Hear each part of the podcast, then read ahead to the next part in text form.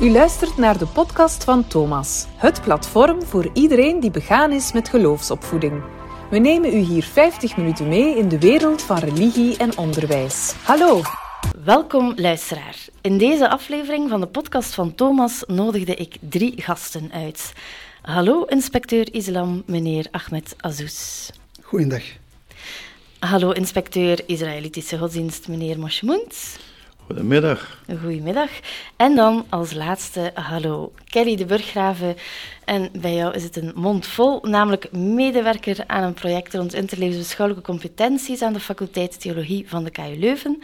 Ook medewerker universitaire parochie en dan ook nog eens godsdienstleerkracht. Ze deed onder meer eh, onderzoek ook naar de good practices en de valkuilen van eh, ILC-projecten die al gebeurd zijn.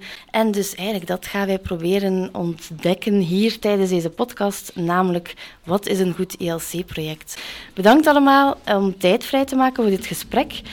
En wij kunnen wel stellen dat zowel Ahmed, Moshe en Kelly verbonden zijn met elkaar door hun gefundeerde visie en engagement binnen de interlevensbeschouwelijke competenties.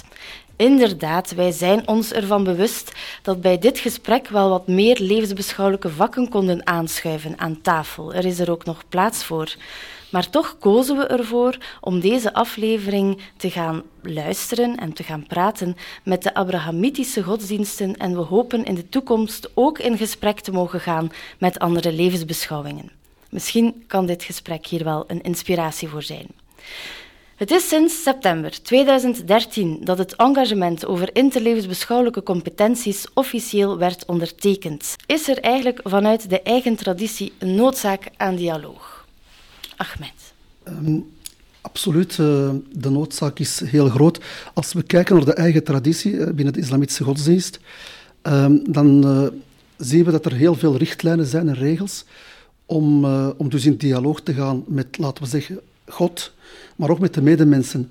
En met, in dialoog gaan met God, daar bedoel ik mee eigenlijk dat je een gebed doet waarbij je jezelf richt tot God of een smeekbede, um, ja, het vasten enzovoort. Maar uh, langs de andere kant, anderzijds, is er ook de dialoog met de medemensen. Of het nu is uh, je eigen kinderen, of uh, je partner, of met je collega's. Um, in ieder geval, we worden dus eigenlijk aangemaand om, om altijd op een wijze manier te spreken eigenlijk. Vanuit de, islamitische traditie. Er is bijvoorbeeld een overlevering die zegt... wie gelooft in, in, in God in de laatste dag, die zegt het goede of zwijgt. Dus, eh, dus je wordt echt aangespoord om, om goed na te denken vooraleer je, je iets zegt. Dus ik denk, een dialoog is, is heel belangrijk omdat je via een dialoog uh, ja, je, je boodschap gaat formuleren. En dan moet je ook dat, dat ook doen op een heel heldere manier en, en, en zo goed mogelijk, dat je niet op een verkeerde manier wordt, wordt begrepen. uh, dus ik denk, een dialoog is, is noodzakelijk, liefst op een empathische manier, dan zal hij of zij zichzelf op een goede manier kunnen uitdrukken en een goede relatie opbouwen. Ja. ja, en waarschijnlijk binnen het Jodendom vinden we daar hetzelfde terug, dezelfde visie terug. Ja, vanuit, eh, vanuit de Joodse traditie denk ik dat we niet ver gaan moeten zoeken. Um, er is vanuit um, de gewoonte van de Sanhedrin, de Sanhedrin dat, was de Joodse gerechtshof ja, in de tempeltijden. En daar, uh, natuurlijk, zoals, zoals overal, was het de meerderheid die, die het oordeel velde. Uh, en dan was er ook een zeer rare traditie, en dat was als de Sanhedrin, dus het, recht, het gerechtshof, um, unaniem oordeelt, um, dan, dan kan dat oordeel niet doorgaan. En Maimonides, die is de, die is de enige die, het, die de, de redenering geeft. En dat is, je kan nooit naar eh, de waarheid komen als er, geen, als er geen, tenminste geen twee meningen gehoord, gehoord hebben. Dus um, de dialoog, hè, in, in, tegenwoordige, tegenwoordige taal noemen, noemen we dat dialoog.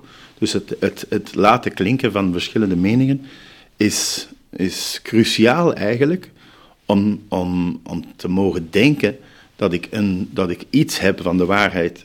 Maar zonder dat ik, dat ik een andere mening hoor, kan ik dat niet zeggen. Je kan toevallig ook eh, naar de waarheid kijken, maar, maar dan is het toevallig. Je kan nooit, je kan nooit echt beweren dat je bij de waarheid bent voor, vooraleer dat je andere meningen gehoord hebt. Ja, ik denk dat met de, met de Talmud-cultuur, die, die bij, ons, bij ons zeer sterk aanwezig is, nu heb ik het over de, het orthodoxe jodendom, dat Talmud-cultuur bevordert de dialoog eigenlijk telkens uh, is het zo, ja, er is, ook, er is ook eigenlijk, dat is minder bekend, er is een Talmud vanuit, uh, dat wordt genoemd de Jeruzalem Talmud, dat is een Israëlische Talmud, en daar is de Babylonische Talmud. En de Babylonische Talmud is, is degene die het voorkeur krijgt. Om, juist omwille van het feit dat er heel veel discussie en debat plaatsvindt in de Babylonische Talmud. Wat eigenlijk maakt dat de conclusies meer uh, je kan daar meer op rekenen. Ja. Juist, juist omdat er dialoog, uh, voldoende dialoog geweest is. Dus er moet zelfs dialoog zijn. Er moet dialoog zijn. En Kelly, is er dus vanuit onze eigen traditie, dus dan vertel ik dan, ik zit hier als vertegenwoordiger van de KU Leuven, van Thomas, is er een, vanuit die traditie een noodzaak aan dialoog? Ja, die is er zeker. En die is eigenlijk ook een beetje tweevoudig. Uh, ten eerste heb je binnen de katholieke traditie zelf eigenlijk al een, een gerichtheid naar, naar um, het binnenperspectief. Hè? Binnen één bepaalde traditie, en ik denk dat dat niet enkel voor het katholieke geldt natuurlijk, uh, heb je heel wat diversiteit binnen een bepaalde religie, binnen een bepaalde traditie. Het is ook heel belangrijk om te luisteren naar die, naar die verschillende meningen binnen éénzelfde groep. En dan is de vraag of je zelf eigenlijk nog kan spreken van één groep, hè, omdat het zo divers kan zijn. Um, maar aan de andere kant heb je natuurlijk ook altijd wel die gerichtheid naar buiten, die ook heel belangrijk is om, om je eigen mening te kunnen bevestigen. Hè. Zo kennen we binnen uh, het, het, leerplan, uh, het, het, herziene leerplan uh, van, van de Rooms-Katholieke godsdienst um, altijd een focus op drie zaken, namelijk die context, de identiteit en de eigen christelijke traditie. En die context, die, die blik naar buiten, is eigenlijk echt wat ervoor zorgt dat de visie van het christendom, maar ook die van de leerlingen zelf, altijd afgetoetst worden aan andere visies. Ja, ook voor het vak islam is dat heel belangrijk, die interne dialoog. Want wij krijgen leerlingen um, met verschillende achtergronden. Leerlingen die bijvoorbeeld, laten we zeggen, uh, van de eerste generatie zijn. Dus dat zijn dus dan leerlingen die komen van Afghanistan of van Pakistan en, en, die zijn nog niet zo lang in België.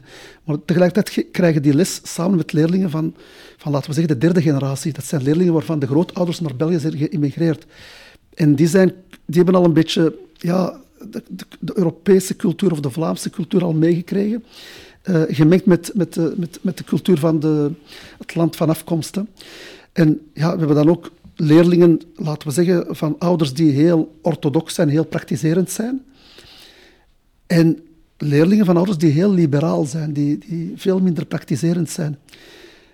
En, en dus als leerkracht, uh, islamitische godsdienst, zal je dus in dialoog moeten gaan met al die leerlingen en, en proberen om, om, om te kijken naar, naar uh, hoe denken die leerlingen over, over uh, ja, een aantal thema's. En ja, dus dat, dat moet in dialoog gebeuren. En met respect voor, voor, de, voor de opvoeding van de ouders thuis. Dus uh, leerlingen die heel praktiserend zijn, die zullen een beetje anders kijken naar sommige thema's dan leerlingen die, die laten we zeggen, ja, minder praktiserend zijn. dus, dus bij ons is, dat heel noodzakelijk dat de leerkracht um, ja, uiteraard in dialoog gaat met de leerlingen en zijn eigen mening ook niet gaat opleggen. Dus dat, hij ook laat zien dat er ook in de, in de islamitische traditie een, een grote rijkdom is aan, aan verschillende interpretaties, omdat je soms ja, eh, een andere interpretatie krijgt vanwege het feit, uh, laten we zeggen, dat iemand uh, ja, meer in de diepte onderzoek heeft gedaan, of uh, meer gefocust op een taalkundige uitleg van, van een, een Koranvers bijvoorbeeld terwijl iemand anders dat bekijkt vanuit een andere invalshoek. En zo heb je soms een andere interpretatie.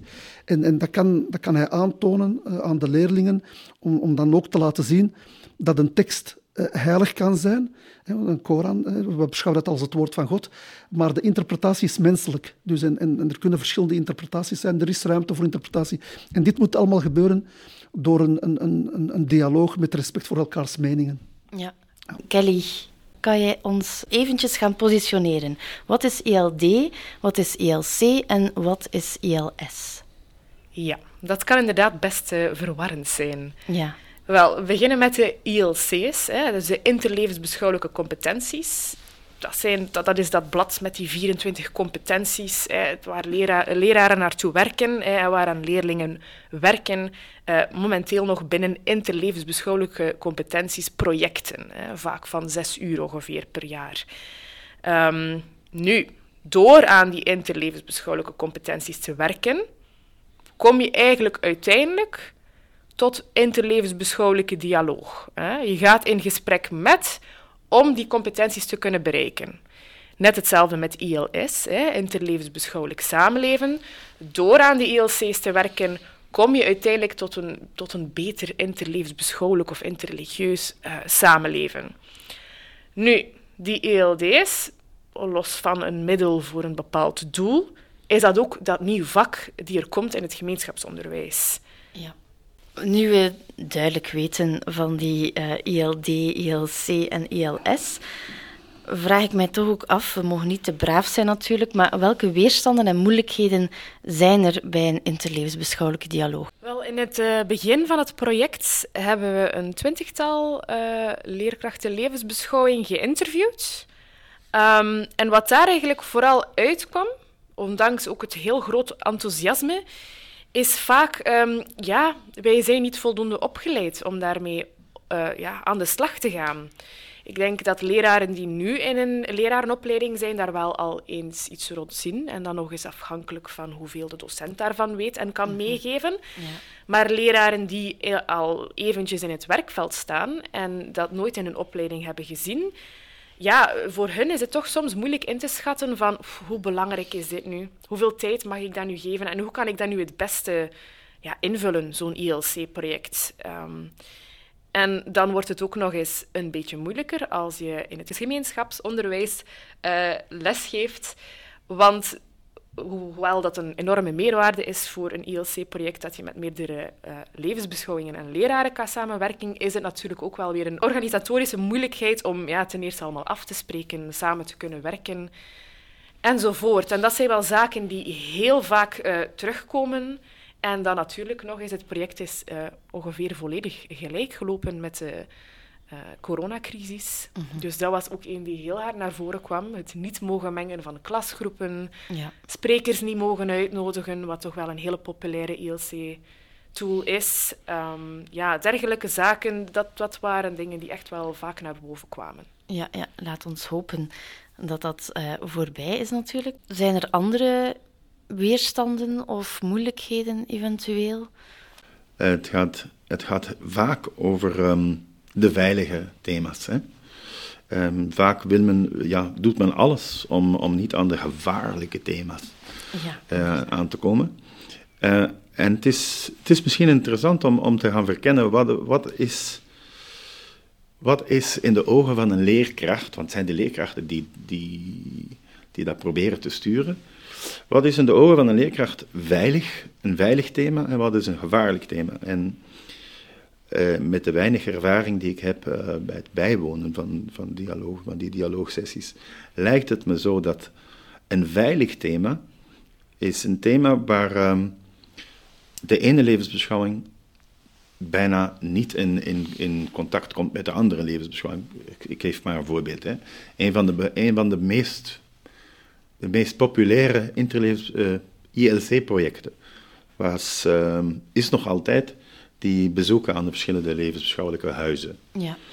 Uh, en dat, is, dat, dat blijkt zeer populair te zijn, eerste keuze te zijn. Mm -hmm. Dus ook binnen de Joodse scholen zie je die trend, want we zien dat inderdaad binnen de katholieke scholen naar voorkomen, maar daar ook. Dat wordt gezien als veilig thema ja. door iedereen. En ik denk, ik denk dat de reden is omdat, omdat je, ja, je gaat op bezoek bij de anderen.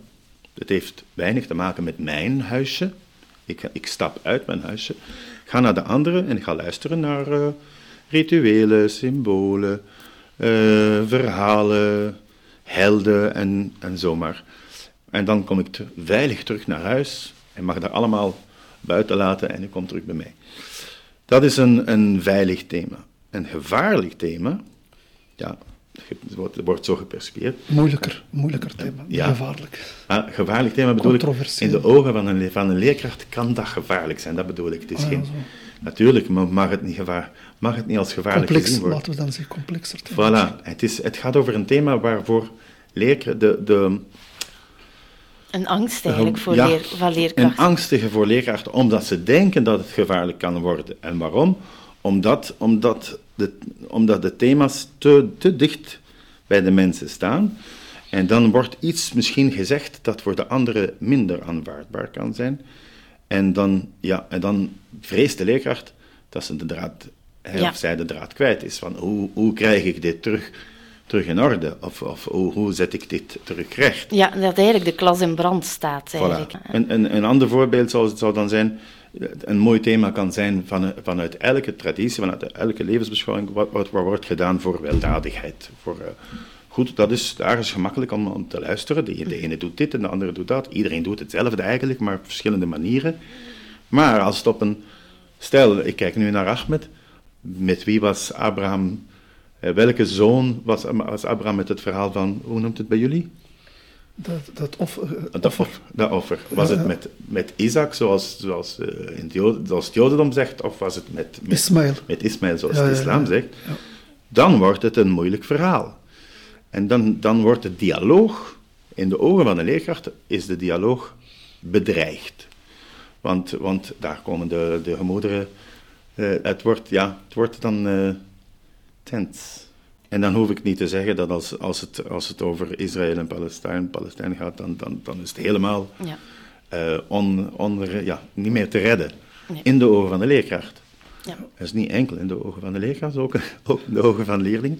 Maar dat, dat zijn, daarom noem ik ze gevaarlijke thema's in de ogen van de leerkracht. Gevaarlijk in de zin van, we gaan alles doen om van die soort thema's af te blijven.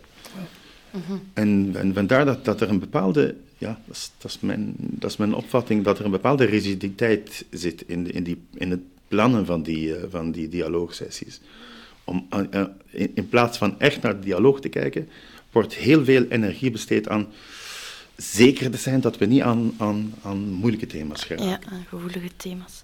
Ahmed, ben je daar ook mee akkoord? Uh, zie je daar ook um, dezelfde lijn terugkeren in het, onderwijs, in het islamitisch onderwijs? Ja, ik, ik noem dat geen gevaarlijke thema's. Ik, ik heb liever de term meer complexer thema's. Die zijn iets complexer, hè, zoals bijvoorbeeld eh, het thema over euthanasie of abortus of over homoseksualiteit. Dat is meer complexer. Maar niet gevaarlijk, maar complexer, omdat je ja, er zijn verschillende meningen en, en, en, ja, je, kan, je kan ook door jezelf verkeerd te verwoorden misschien uh, mensen kwetsen. Dus dat zijn uh, thema's die kon, kunnen zorgen voor polarisatie eigenlijk. Hè. Ja. Dus op die manier. Maar er zijn inderdaad valkuilen bij een interlevensbeschouwelijke dialoog, zoals bijvoorbeeld uh, iemand die ja, van mening is dat hij de ander moet proberen te overtuigen. En wat niet de bedoeling is van de ELD's. Dus, uh, dus dan, gaat men belanden, in plaats van in een dialoog, gaat men belanden in een debat of in een discussie. Wat, eigenlijk, wat we eigenlijk moeten vermijden, want de bedoeling is dat we elkaar beluisteren. Uh, verder, natuurlijk zijn er ook nog andere uh, valkuilen. Uh, iemand wil zich ja, uitdrukken en gaat zich op een verkeerde manier verwoorden. Dat kan ook zorgen voor problemen eigenlijk, waardoor de persoon verkeerd wordt begrepen. Dus ik denk dat we op dat vlak ook heel alert moeten zijn en moeten doorvragen van wat bedoel je precies. En om, om te vermijden dat, dat iemand verkeerd wordt begrepen, waardoor dat iemand wordt gekwetst bijvoorbeeld. Uh, ook als er geen rekening wordt gehouden met de interne pluraliteit. Bijvoorbeeld, uh, er wordt een dialoog gevoerd en iemand van de leerlingen gaat iets zeggen dat zwaar geladen is, een zwaar geladen uitspraak. Ja, die, die, leerling spreekt voor zichzelf eigenlijk en hoe dat hij de zaken ziet, hoe dat die leerling uh, ja, werd opgevoed enzovoort. En ja, de leerkracht zou wel eens kunnen denken van dit is de, de mening van alle moslims, terwijl dat, dat niet klopt. Dus die, die interne pluraliteit, daar moet uh, rekening mee worden gehouden om bepaalde zaken niet verkeerd te begrijpen. Verder uh, denk ik dat uh, wat betreft die, die thema's die, die complex zijn, uh, ik, vind, uh, allez, ik sluit me wel aan bij, bij, uh, bij mijn collega, de heer Moshe Munt. Dus dat we best starten met, met, met de zachtere thema's. Ik noem dat dan zachtere thema's. Thema's die, die gaan over, over huwelijk bijvoorbeeld, of over feesten, over geboorte. Die thema's die, die eigenlijk ja, die heel, die, die, die, alle, alle uh, culturen, alle achtergronden daarmee te maken krijgen. En daarmee starten we best. En van het moment dat we elkaar goed hebben leren kennen, als leerkrachten, als leerlingen, dan kunnen we overgaan naar een tweede fase. En, en ook die thema's gaan bespreken die, die, heel, die ook heel belangrijk zijn en die we moeten bespreken. We kunnen niet uh, blijven zeggen van dit zijn moeilijke thema's en, en blijven onszelf verstoppen. Nee, dat kan niet. Die thema's moeten zeker behandeld worden, maar, en dan sluit ik me aan bij, bij uh, Kelly, uh, ja, we moeten er ook wel voor zorgen dat leerkrachten gevormd worden, dat die gevormd zijn en dat die ook kennis van zaken hebben en dat die ook een genuanceerde mening kunnen hebben. Allee, ja, zij moeten de leerlingen begeleiden. En je kan de leerlingen alleen maar begeleiden als je ook zelf kennis van zaken hebt. En, en, en ja, dus de leerkracht als moderator, maar die dan ook wel luistert en ook in dialoog gaat, maar ook soms misschien zwaar geladen uitspraken moet ergens op de een of andere manier ja, bijsturen. Hè. Dus je kan niet, als een leerling een zwaar geladen uitspraak doet die mensen kwetst, moet je ook als leerkracht toch ook wel durven zeggen van ja, waar heb je dat gehoord? Klopt dat wel allemaal? Hoe zit dat met de bronnen? En, en zijn er ook niet andere meningen? En op die manier proberen om, om die uh, uitspraken toch een beetje recht te trekken, op de een of andere manier eigenlijk. Ja. Um, een andere, een laatste valkuil, allee, er zullen er nog wel zijn, maar dit lijkt mij ook wel een valkuil, is dat, dat je soms te maken hebt met ouders die bijvoorbeeld uh, niet willen dat hun kinderen naar een moskee gaan, of naar een kerk gaan, of naar een synagoge gaan. Hoe, hoe ga je dan hoe ga je daarmee om? En dan moeten we ja, als school of als, als, als uh, leerkrachten ja, misschien de ouders een goede uitleg geven hè, om te zeggen van het is niet de bedoeling dat we uw kinderen gaan uh, laten bekeren tot een andere godsdienst of tot een andere levensbeschouwing. Nee, de bedoeling is alleen maar elkaar beter te leren kennen. Dus je moet de ouders ook ergens een, een, een duidelijke uitleg geven en dan ga je misschien minder uh, weerstand uh, krijgen vanuit de ouders. Ja. ja.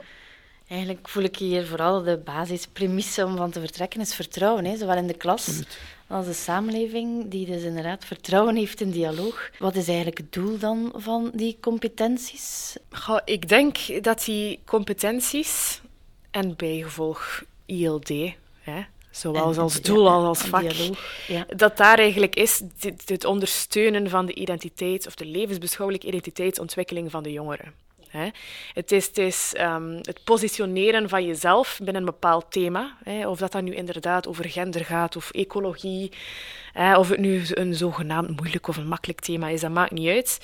Uh, jezelf positioneren daarin, om dan vervolgens eigenlijk geconfronteerd te worden met verschillende meningen, om daar dan eigenlijk uh, ja, meer van te leren en, en dat je daarover gaat reflecteren als leerling en daar ook rijker uitkomt. Zelf beter weet waar je staat. Mhm. Ik denk dat dat eigenlijk een beetje het, het hoofddoel is van uh, die ILC's. Ja. Um, ik denk dat, dat het doel van uh, de interlevensbeschouwelijke dialoog dat is eigenlijk uh, ja, de andere levensbeschouwingen beter leren kennen. Onbekend maakt onbemind. Dus hoe beter we elkaar, leren, elkaars levensbeschouwing leren kennen, hoe meer we in staat zullen zijn om respect en begrip te tonen voor de andere levensbeschouwingen. Verder is het belangrijk dat er wordt geluisterd naar elkaar en liefst met empathie. Um, en ik denk ook wel dat het doel is dat we ook op zoek gaan naar gemeenschappelijke waarden. Van, van de verschillende levensbeschouwingen, van, van wat hebben wij nu gemeenschappelijk met elkaar.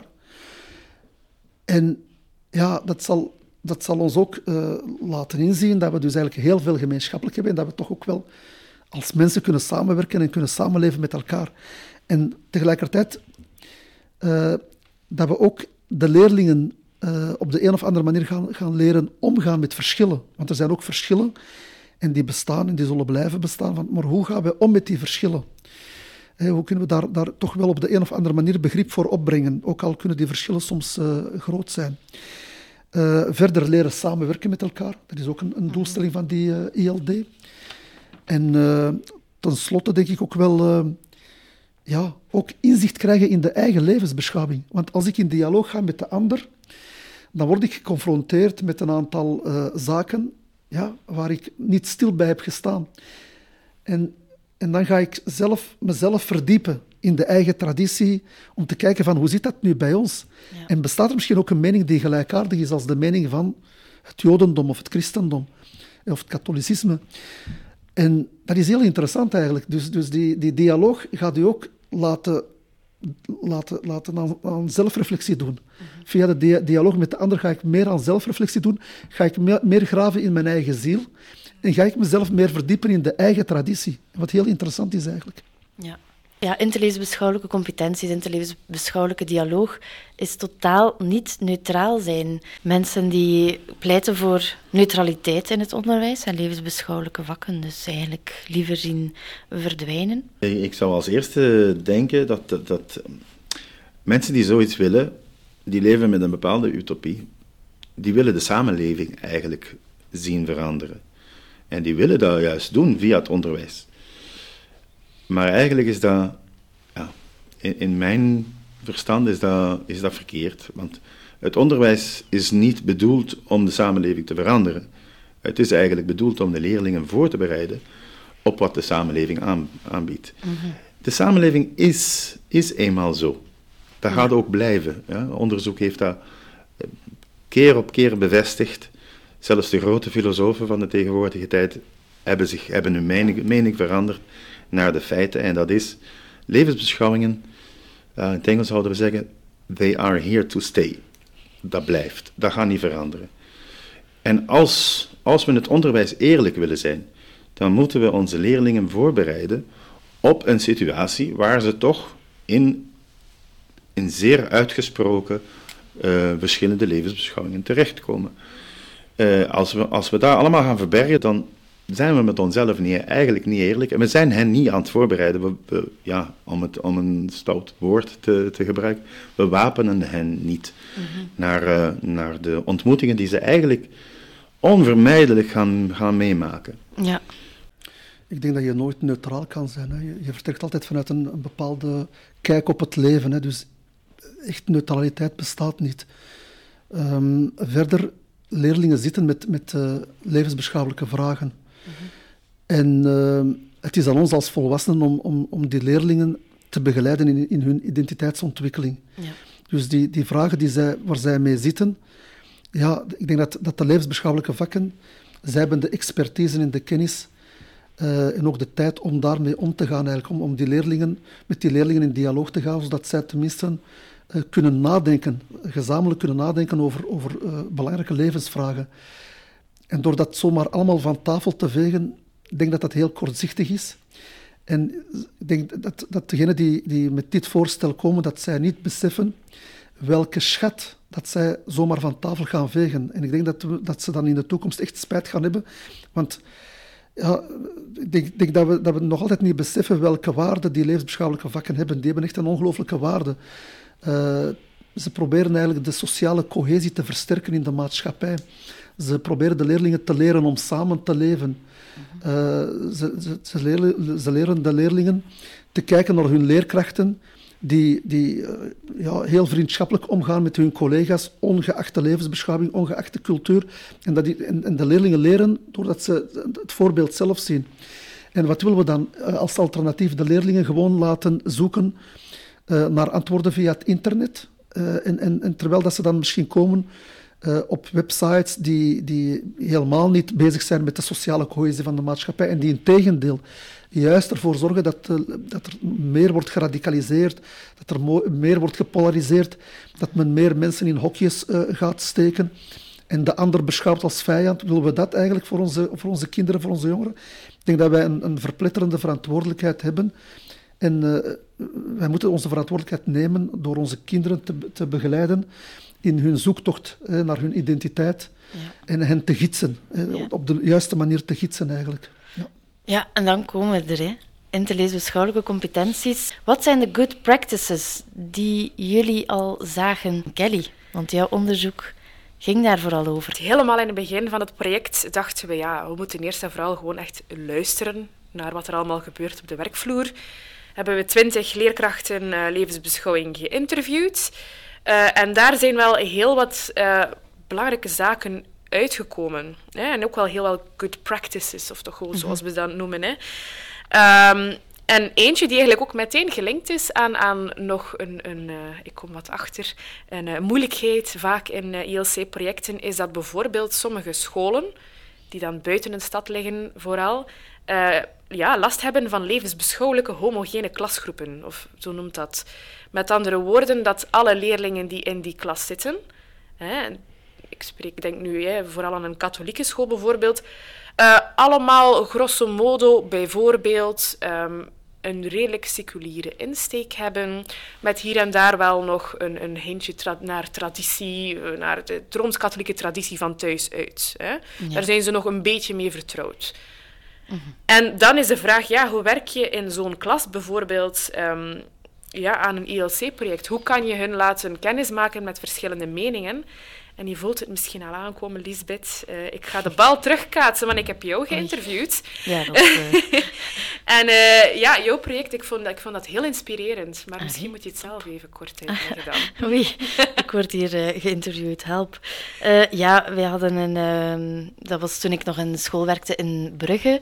Hadden wij een project met een school in Brussel. En wij hadden een kaartjesproject. Namelijk, wij schreven kaartjes naar een klas in Brussel. Dus die dat was een katholieke school, maar uh, die voornamelijk bestond uh, uit moslimleerlingen. En dus heb ik die uh, leerkracht ontmoet. En dan hadden wij het idee en het plan van laten we onze klassen kaartjes naar elkaar sturen. En dat was eigenlijk in drie stappen. Namelijk eerst moesten ze zichzelf voorstellen.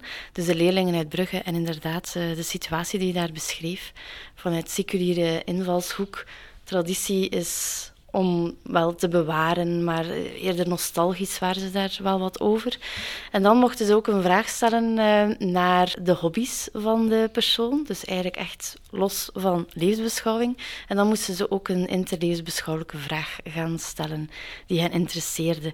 En veelal uh, ja, werd de vraag gesteld van ja, stel je voor, ik als bruggeling die niet gelovig is, uh, mag ik met een moslimman of een moslimvrouw trouwen. Hoe zouden jullie daarop gaan reageren? En dan werden dus die kaartjes en masse eigenlijk naar Brussel gestuurd. En we zijn eigenlijk al heel anoniem begonnen. Dus uh, we hebben daar niet de naam en de voornaam dat dat veilig bleef. Het gaat echt over veiligheid. Dat ze eigenlijk echt wel de vraag konden stellen. Ze wisten natuurlijk ook dat uh, ik op een schouder zat en meekeek. En dan op die manier was er een uh, veiligheid voor die leerlingen om ja, vragen te stellen en zichzelf voor te stellen. En dan werden er, uh, werden er kaartjes teruggestuurd vanuit de school met de antwoorden op de vragen en natuurlijk ook uh, vragen die teruggesteld werden. De sfeer in de klas was enorm super. Dan natuurlijk, het was ook al schrijvend, dus ze zijn dat ook al niet meer gewoon om uh, echt uh, met pen en papier naar iemand te schrijven. Dus dat was uh, heel charmant, dat project. Ja, ik vond het een, een hele creatieve oplossing. Het was heel tof. Ja, oké, okay, dank u wel. Maar zijn er nog... Um, want ik zit hier natuurlijk ook om te leren. Maar moest je misschien, en straks, we kunnen nog eens terug gaan naar Kelly dansen. Voor mij was het... Um als het, als het over de good practices van, van dialoog gaat, kan, kan, ik het, kan ik echt niet beweren dat ik veel good practices gezien heb uh, mm -hmm. in scholen, omdat ik daar nog niet zoveel aanwezig was bij dialoogsessies. Hè. Maar wel uh, bij volwassen dialoogsessies, dus buiten, buitenschool. En um, wat me opviel is, uh, ik heb ook met Kelly samengewerkt voor, voor een tijd met, met dat project in KU Leuven. En we waren allemaal zeer duidelijk, het was voor ons zeer duidelijk wat, wat het, een van de grote doelen voor het dialoog was. Uh, Ahmed noemde het uh, empathisch luisteren, ik zou dan ook actief luisteren zeggen. Maar eigenlijk met de bedoeling van, het is niet, het gaat, als ik luister, gaat het nu helemaal niet over mijn mening. Het gaat helemaal niet over mijn oordeel of hoe ik dat zie. Het gaat, het gaat erom van wat, wat vertelt, wat vertelt die mens nu? Uh, wat voelt hij? Wat is, die, wat, wat is zijn, zijn of haar motivering? Welke waarden sturen die praktijken? Vooral die waarden. Het gaat over, het gaat over zoveel, zoveel navragen om, om, om, zo, om, max, om zo maximaal mogelijk uh, het, het verhaal helder te krijgen. En enkel over wat, wat de ander stuurt. Het gaat niet over mij. Ja. Dat is eigenlijk wat uh, iedereen die met dialoog, die met het plannen van dialoog bezig is, weet dat. En toch heb ik ervaren dat als we zelf in de dialoog zitten, is het zeer moeilijk. Uh, als je iets hoort dat, dat, je, dat je eigenlijk een beetje anders ziet, dan ga je automatisch proberen, zo beleefd mogelijk natuurlijk, maar dan ga je proberen daar een, een andere mening op te geven en dan ben je eigenlijk uit de dialoog. In de dialoog moet, je gewoon blijven navragen. En als, en als, iets, als iets raar klinkt, dan vraag je gewoon door. Wat, wat bedoel je juist daarmee? En nog meer, zelfs als je zo'n vraag stelt, is ook belangrijk, belangrijk het zo te stellen dat het niet lijkt alsof je, alsof je de mens uitdaagt of confronteert. Gewoon, ik wil, uh, ik, wil gewoon meer zekerheid, wel, meer duidelijkheid hebben in wat, wat jij vertelt. Dat is nu het belangrijkste. Enkel om te begrijpen wat je nu aan het vertellen bent. En het is enkel op die manier dat we in een dialoog die waarde naar, naar boven kunnen brengen. En dat is eigenlijk het belangrijkste, want wat, uh, wat verdeelt ons is de, zijn vooral die, die, die praktijken, uh, de, die uiterlijke verschillen. Mhm. Maar als, als het ons lukt naar die, naar die echte onderliggende waarden te komen, waarden zijn un, altijd universeel. Hè. Waarden zijn altijd... Je kan moeilijk in, in, in een, een, waard, een waarde tegenspreken. En dan vind ik dus een, een, een good practice als iemand dat kan, en een groot valkuil als dat niet kan. Dus een, een leerkracht als, als een dialoogsessie aan het plannen is, het zou misschien interessant zijn om, om dit eerst te gaan oefenen. En misschien om te oefenen met zachte thema's, zoals Ahmed ze noemde, of met gewoon, gewoon persoonlijke verhalen, gewoon dat, dat soort vragen gaan oefenen. Van niet confronteren, niet je eigen mening proberen proberen tegen te stellen, maar alle, soort alle soorten vragen van zoveel mogelijk eruit halen van wat de ander aan het vertellen is. Inderdaad, ik denk dat, dat die good practices en al die goede voorbeelden dat ik gezien heb en dat ik ook opgesomd heb voor het project, heeft eigenlijk altijd met die omkadering te maken. Hè? Want dialoog, dat klinkt heel schappelijk en dat klinkt als een babbeltje doen met elkaar en dat is stof en gezellig, maar dat is het eigenlijk alles behalve. Want hoe stel je nu die vragen en hoe blijf je doorvragen en hoe blijf je niet hangen in moeilijke stiltes als het even moeilijk is? Of goh, ik wil eigenlijk die vraag stellen, maar ik weet niet helemaal precies hoe. Ga ik die niet op zijn tenen trappen? Dat zijn de moeilijkheden. En al die goede projecten, ook een bezoek aan een levensbeschouwelijk huis, hè, want dat kan soms heel makkelijk zijn en een beetje een museumbezoek eerder is gewoon een goede omkadering voorzien. Dus vragen vooraf voorbereiden, leerlingen uitleggen wat het verschil is tussen dialoog en een discussie. En voorbeelden geven, oefenen in de klas, al van tevoren. En op die manier gaat dat bezoek aan een levensbeschouwelijk huis bijvoorbeeld al helemaal iets anders zijn dan een gewoon museumbezoek. Mm Ja. Ahmed, heb jij nog iets toe te voegen aan die good practices? Ja, um, ik spreek gewoon vanuit eigen ervaring. Mhm. Ik heb in het verleden toch al verschillende keren deelgenomen aan, aan, aan zo'n uh, interlevensbeschouwelijke dialoog. En dat was, dat was ook in katholieke scholen. En dat was dus eigenlijk... Uh, er werden dus eigenlijk verschillende, uh, laten we zeggen, mensen uitgenodigd met een, een verschillende levensbeschouwelijke achtergrond. Hè. Verschillende godsdiensten of, of levensbeschouwingen. En dus dan zaten wij allemaal in een lokaal en dan kwamen er leerlingen naar ons toe en die hadden allemaal vragen voorbereid. En die werden dan aan ons gesteld en wij gingen dan in dialoog met die leerlingen, leerlingen ook met elkaar. En dan gingen die leerlingen na 40 minuten naar een andere klas en kreeg ik weer andere leerlingen. En, zij gingen dan bijvoorbeeld naar uh, iemand uh, van de Joodse godsdienst, van Israëlitische godsdienst. Daarna naar iemand van uh, christelijke godsdienst, iemand van boeddhisme.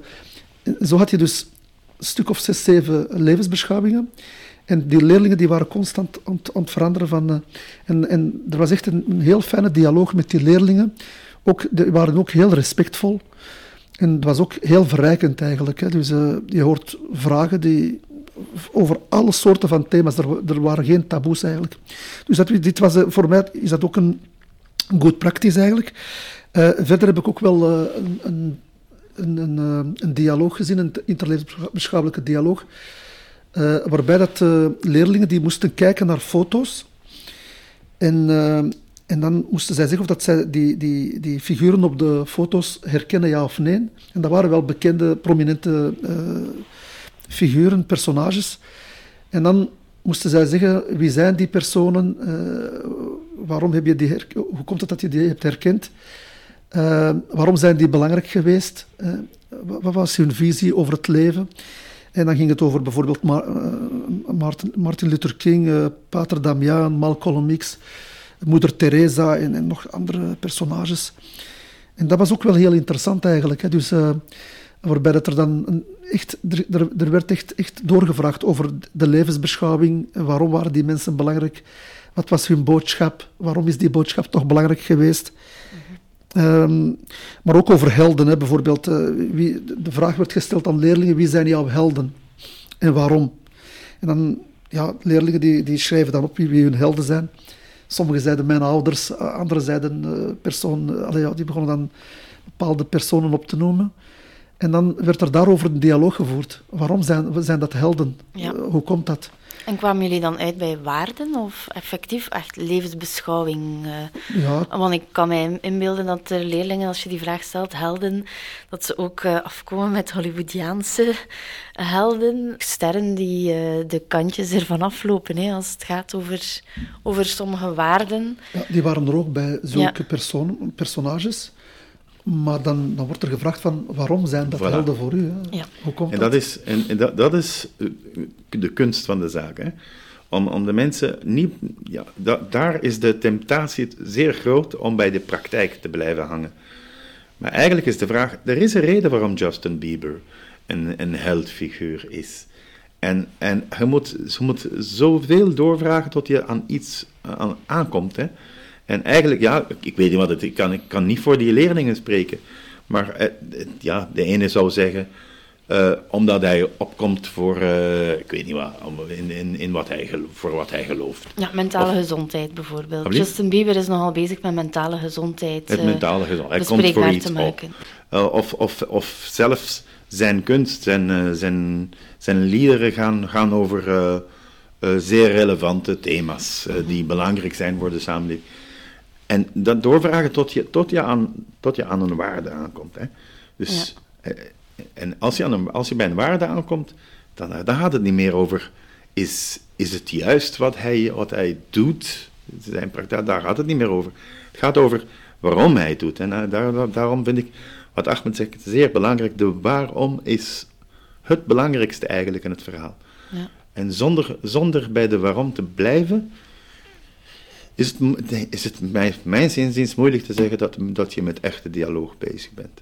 Het gebeurt heel vaak dat uh, klassen op bezoek gaan in een synagoge of een moskee of een kerk. Is dat volgens jullie interlevensbeschouwelijk oefenen in dialoog? Wel, ik denk dat het antwoord ja en nee kan zijn. Hè? Als, als dat bezoek totaal niet voorbereid is door de leraar en door de leerlingen en dat uh, als het nu in een, in een kerk is en de priester uh, ratelt daar gewoon zijn uitleg af. En de 40 minuten zijn voorbij en dan gaan we nog 10 minuutjes terug wandelen naar het school. En dat was het ILC-project voor het jaar. Ja, nee, dat is niet voldoende. Um, de vraag is om daar ja, aan de leraar om vooraf eigenlijk al goed voor te bereiden, vragen te noteren en ook bij dat noteren van die vragen een beetje te sturen. Dus niet enkel waarom staat die kaars daar, die grote kaars, maar ook wat is de betekenis daarvan en bij wat sluit dat dan allemaal aan, voor waarom is dat belangrijk voor het christendom. Leren om leerlingen dieper vragen te, te stellen, hè, zodat inderdaad die ontmoeting in de kerk dan bijvoorbeeld uh, echt tot een dialoog gaat leiden. En veel meer, zoals ik daarnet zei, dat het niet enkel een museumbezoek blijft. Mm -hmm. En um, om dat ook groter te zien en ook aan te geven. Hè. Zowel in een kerk als in andere religieuze gebouwen of levensbeschouwelijke gebouwen heb je vaak een, een, samenspel van architectuur, van kleuren, eventueel van liederen of van bloemen, mm -hmm. uh, die eigenlijk al heel wat aanwijzingen zijn of symbolische waarden meedragen. Ja. Daar ook eens naar wijzen. Zeggen van, kunnen we daar geen vragen over stellen? Weten jullie dat eigenlijk? Mosje? Ik kan, alleen, ik kan het alleen vertellen over bezoeken die ik zelf um, gegidst heb. En ik vind het meest interessante om is het met volwassenen, is het met leerlingen, maakt niet uit. Als je een, een levensbeschouwelijk huis aan het bezoeken bent, dat je eigenlijk de kansen zoekt om, de andere, om, om, om een inbreng van de andere levensbeschouwingen daar ter plaatse te laten, te laten komen. Bijvoorbeeld, ik geef aan een voorbeeld. Hè. Als ik in een synagoog bezig ben, dan, eh, dan hopelijk krijg ik de kans om, uh, om die ark uh, open te maken en laten zien van hoe die, hoe die heilige boeken worden bewaard en, en gerespecteerd en zo. Maar dan, eigenlijk is dat, is dat, ja, dat, dat is het opportune moment om stil te staan en vragen, en, en hoe is het bij jullie? Wat, wat doen jullie voor jullie heilige boeken? Hoe bewaren jullie dat? Of, of, hebben jullie dan, een, ja, zelfs een vrijzinnige zou dan ook heilige teksten hebben? Voor hen zou het bijvoorbeeld waarschijnlijk zijn de rechten van de mensen, van het kind, of, uh, of uh, wat dan ook. Hè. Wat, wat, dus zelfs als een vrijzinnige kan je die vraag stellen van, hoe, hoe uit je respect voor het... Of, of als we in de synagoge aan het uitleggen zijn, van hoe, uh, hoe, het, hoe het gebed eruit ziet dat is eigenlijk het gepaste moment om, om stil te staan en dan de leerlingen of bezoekers gewoon de vraag te stellen: Is dit gelijk aan wat jullie uh, gewoon zijn? Of uh, doen jullie dat anders? En, en dan, begint, dan begint een dialoog. In plaats van een, een, een soort monotonisch uh, bezoek van enkel één, één levensbeschouwing. Nu, nu om even terug te grijpen naar, naar wat Kelly de onderscheid tussen, tussen ILC en ILD. Voor een ILC zou het misschien wel relevant zijn om enkel naar die levensbeschouwing te kijken voor, voor dit half uur. Hè? Maar als het echt over een ILD gaat, dan, dan zou een bezoek enkel relevant zijn als, als die kansen gegrepen worden om, om, om die inbreng van andere levensbeschouwingen ook bij te nemen in het gesprek. Mm -hmm. Ja. Ik denk dat zo'n bezoek aan een, aan een levensbeschouwelijke huis of, of religieuze huis, denk dat dat altijd waardevol is. Dat is altijd waardevol. Um, ja, dus, dus het, er, is een, er is een bepaalde, ja, een bepaalde schrik voor het onbekende. En, en door, door naar, naar, naar een moskee te gaan, of naar een synagoge, of naar een kerk te gaan, ja, dat, dat, dan ga je zaken zien, waardoor dat je dan ja, met een wauw-gevoel terug naar huis gaat. Hè. Dus je hebt, je hebt iets, iets anders gezien, maar je gaat ook ontdekken dat dat, ja, dat zijn plaatsen waar, waar God wordt aanbeden. Dus uiteindelijk, dat is toch gemeenschappelijk met, uh, met, met, met, wat je zelf gewoon bent. En voor de rest, ja, ik moet mij gewoon aansluiten bij wat uh, zowel Kelly als Moshe hebben gezegd. Het moet goed voorbereid worden. Hè, dus, en, en er moet ook ruimte zijn voor een dialoog tussen de leerlingen, maar ook met de, met, met de spreker. Uh, dat is wel heel belangrijk eigenlijk, inderdaad. Want als de leerlingen alleen maar moeten luisteren en dan naar huis moeten gaan, dat, dat zou dan, ja, dan is dat niet, niet volledig eigenlijk. Hè. Die, eh, dat project is dan precies... Er, er, ontbreekt iets aan. Dus ik denk, er moet ruimte zijn voor, voor reflectie. Dat leerlingen reflecteren over wat ze hebben gehoord. Van hoe zit dat bij mij inderdaad, hoe zit dat bij ons? Uh, doen wij ook aan vasten? Is ons vast hetzelfde als bij de Joden en bij de moslims? Of, is dat bij de christenen iets anders? Is dat verplicht of is dat vrijwillig? Enzovoort. Dus er zijn heel veel vragen. En ja, dat is wel interessant dat, dat, dat we daarover in dialoog gaan. Hè. Met, als, uh, met als doel respect hebben voor elkaar eigenlijk. Ik denk dat dat het uh, ultieme doel is eigenlijk. Hè. Misschien ook wel nog een handige tip hè, voor uh, alle leerkrachten levensbeschouwing. Um, binnenkort, ter afsluit van, uh, van het project waar ik en Boutje hebben aan meegewerkt, um, komt er op de Thomas-website een, een, vernieuwde pagina rond de ILC's en ook een beetje over ILD als vak dan. Uh, en daar gaan we een, een, um, een oplijsting maken van good practices, hè, dus uit die interviews, en ook van um, didactische tools die ingezet kunnen worden. En daaronder gaat bijvoorbeeld ook een bezoek aan een levensbeschouwelijk huis vallen, met heel wat tips en zaken om dat eigenlijk ja, in een ILC-jasje te kunnen steken. Uh, dus dat is nog iets om naar uit te kijken. Ik denk dat heel wat luisteraars op dit moment heel uit joepie uh, aan het roepen zijn. Want inderdaad, dat was wel iets waar wij nood aan hebben in onze leerkrachten. Omdat we inderdaad, uh, als je 25 of zelfs nog niet zo lang, tien jaar geleden afgestudeerd bent, het ILC-verhaal, dat zat nog niet echt in, in de geest van ons onderwijs toen. Goed, hoe zou de dialoog de levensbeschouwelijke vakken kunnen versterken? Ik denk, ik denk dat de levensbeschouwelijke vakken ehm, via de interlevensbeschouwelijke dialoog en de interlevensbeschouwelijke competenties een dienst verlenen aan de maatschappij eigenlijk, hè, door, door de leerlingen te begeleiden in, in hun identiteitsontwikkeling. En door, uh, door ook kennis en, en, vaardigheden aan te reiken aan de leerlingen over de, de eigen levensbeschouwing, maar ook over de verschillende uh, levensbeschouwelijke vakken die daar aanwezig zijn. Dus ik denk uh, door die dialoog worden die levensbeschouwelijke vakken alleen maar sterker eigenlijk. Ik denk dat, dat leerkrachten moeten beseffen dat, dat die, laten we zeggen, die dialoog en die competenties, die interlevensbeschouwelijke competenties, dat die echt heel belangrijk zijn. Dat die ze zijn een deel van het leerplan. We mogen, we mogen niet verzanden in een, in een soort van gevoel eh, van eh, ja, als er tijd overblijft, dan gaan we wel een project doen. Nee, we moeten het echt serieus nemen. En ja, dus er wordt ook gerapporteerd hè, vanuit de erkende instanties en verenigingen aan het Vlaams parlement over die, uh, de, de interlevensbeschouwelijke competenties, die projecten. Gaan die door, ja of nee? Uh, hoeveel gaan er door? Uh, hoe, hoe, verloopt dat? Dus ik denk dat dat wel belangrijk is, dat we, dat we, dat we doorgaan op die weg. Het is in het belang van de maatschappij, in het belang van de leerlingen, ook in het belang van de levensbeschouwelijke vakken. Van allemaal. Het is een win-win situatie eigenlijk. Ik ben er denk ik ook echt van overtuigd dat, dat ILC's en inzetten op ILC op ILC's als leraar, dat dat je eigenlijk gewoon ook een betere godsdienst- of levensbeschouwelijke leerkracht maakt in het algemeen. Want die, die competenties die je, die je aanleert en die je leerlingen aanleert, hè, vooral uh, rond hoe je vragen moet stellen aan elkaar en hoe je daar ook diepgaand genoeg in kan gaan, uh, hoe dat je taboes ter sprake kan brengen enzovoort.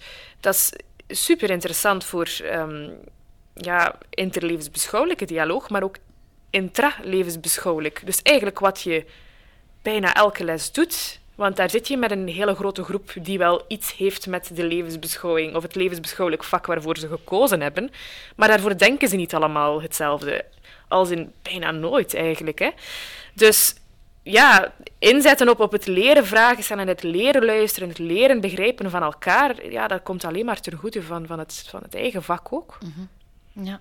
Ik, ik, zou het toch willen illustreren met, met, met, twee, met twee voorbeeldjes.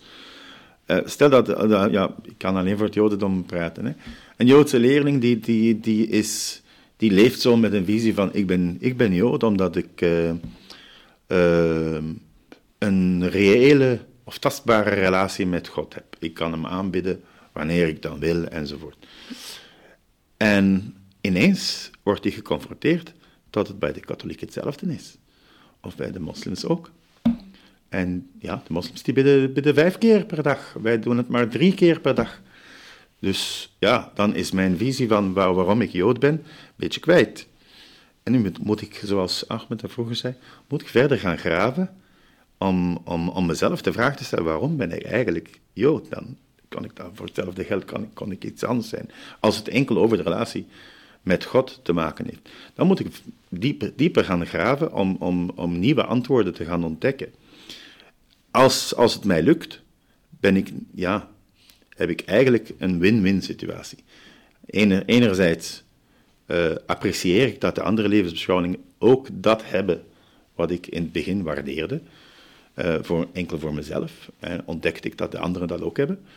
En ten tweede ben ik nu een, een sterker en sterker, uh, geank sterker geankerd in mijn eigen levensbeschouwing, omdat ik gedwongen was om antwoorden te gaan zoeken op de vraag van waarom dan Jood in plaats van iets anders. En ja, het is maar misschien één voorbeeld en eh, één voorbeeld is genoeg, maar dat is met alles zo. Waarom zeg ik dit ook? Er is een bepaalde tendentie, uh, het is ook waar, hè, dat bij die intellectuele competenties en dialoog, dat men op zoek gaat naar gelijkenissen in plaats van verschillen. Dat is ook een van de, van de valkuilen, van, uh, want, uh, want gelijkenissen zijn veilig. Hè? Verschillen die geven plaats, uh, die maken plaats voor, ik zal het woord gevaarlijk gebruiken, Ahmed zou complex gebruiken. Um, maar goed, gelijkenissen zijn oké. Maar het grote doel van gelijkenissen is eigenlijk die confrontatie. als we gelijk zijn, waarom zijn we dan anders? En dat is een zeer belangrijke vraag. Die vraag kan alleen naar boven komen als we in dialoog uh, gaan. Dan ontdekken we ineens uh, dat, dat, dat, dat onze, onze, onze eerste serie van simpele antwoorden niet meer, niet meer voldoende zijn. Dan moeten we dieper gaan graven.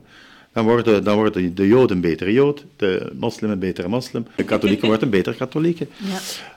Met, met het, en neemt dan, is ook mooi meegenomen, zelfs als die beter katholieke is, maar die heeft dan in, in, die, in dat traject ook meegenomen dat de anderen ook, ook antwoorden hebben op dezelfde vragen. Voilà, dan, dan, dan zijn we aangekomen. Dus dialoog is eigenlijk essentieel voor de eigen spiritualiteit, als ik het zo mag concluderen. Wat eigenlijk de volgende vraag ging zijn. Wat de volgende vraag ging zijn. Mijn excuses. Geen probleem. U hebt uw moment genomen en dat is zeker en vast terecht. Ahmed, vind jij dat ook? Dat dialoog de eigen spiritualiteit uitdaagt? Absoluut. Dus uh, door, door in dialoog te gaan met uh, andere levensbeschouwingen, met mensen van een andere levensbeschouwelijke achtergrond, um, ja, ga je zelf ook een beter mens worden. Je gaat meer begrip tonen voor andere mensen, zeker als je empathisch luistert. Um, je, gaat, ja, je, je gaat je ook meer openstellen voor de, voor, de, voor de ideeën van andere mensen. Je gaat ook bereid zijn om, om te leren van andere, andere mensen, mensen, mensen met een andere levensbeschouwing. We kunnen van elkaar leren, uh, absoluut. Um, ik denk dat elke levensbeschouwing wel een of andere punt heeft waar, waar die, elke levensbeschouwing zal iets meer accent leggen op een bepaalde punt dat, dat heel belangrijk is. Een andere levensbeschouwing legt dat misschien op een andere punt. En als je al die punten samenneemt, dan heb je, dan heb je een, een heel mooie bloem, laat ik zeggen. Hè. Je laat duizend bloemen bloeien, hè, zoals ja. Marianne de Kocher in de tijd had, had ja. gezegd. Dus ik denk, ik denk je, wordt, je wordt een beter mens. Zo, en daar gaat ze al. Uh, de schoolbel, iets ja, langer dan uh, normaal. Uh, het is iets langer dan 50 minuten. Uh, we gaan ons daar vooral niet voor excuseren, maar vooral ik ga jullie bedanken voor het zeer aangename gesprek. Dit was ook al een beetje een vorm van intellectueel beschouwelijk dialoog. Heel erg bedankt. En ik hoop jullie nog later te horen. Dank u wel, Ahmed. Ja, zeer graag gedaan. En uh, ook een grote dank aan uh, Kai Leuven en aan de faculteit Theologie en, Religieuze Wetenschappen. Een heel okay. grote dank. Ja. Bedankt voor, de, voor het vertrouwen. Ja. Oké. Okay. Dankjewel. Hetzelfde. Ja. Dank u wel allemaal. Ja, bedankt. Bedankt om te luisteren. Heb je zelf een interessant project of wil je dat de podcast van Thomas bij jou langskomt? Laat het ons weten via thomas.kuleuven.be.